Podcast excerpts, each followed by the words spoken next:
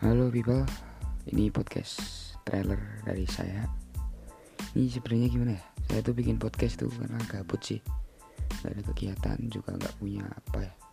Suatu kesibukan yang bisa dirutinitaskan. Buat podcast saya ke depannya mungkin kan bahasa yang lebih menyangkut ke fase-fase yang sedang saya alami lah. Untuk garis besarnya mungkin ada tiga hal sih. Yang pertama itu tentang remaja yang entah itu tongkrongan kenakalan ataupun kebiasaan-kebiasaan yang dilakukan pemuda yang sudah saya juga lakukan. Terus yang kedua itu hmm, mungkin tentang perasaan ya karena juga kayaknya di podcast itu juga bisa lah buat penyampaian kata-kata puisi saja atau apa pun. Yaudah nanti untuk ke depannya kan bisa sambil jalan.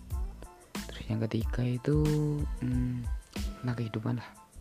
Tentang segelintir gelintir tidak jelasnya hidup. Nanti kalau kesah dan kegelisahan akan saya bawain ke podcast ini mungkin. Terus sama itu ya untuk semua kontennya itu belum punya ide sih.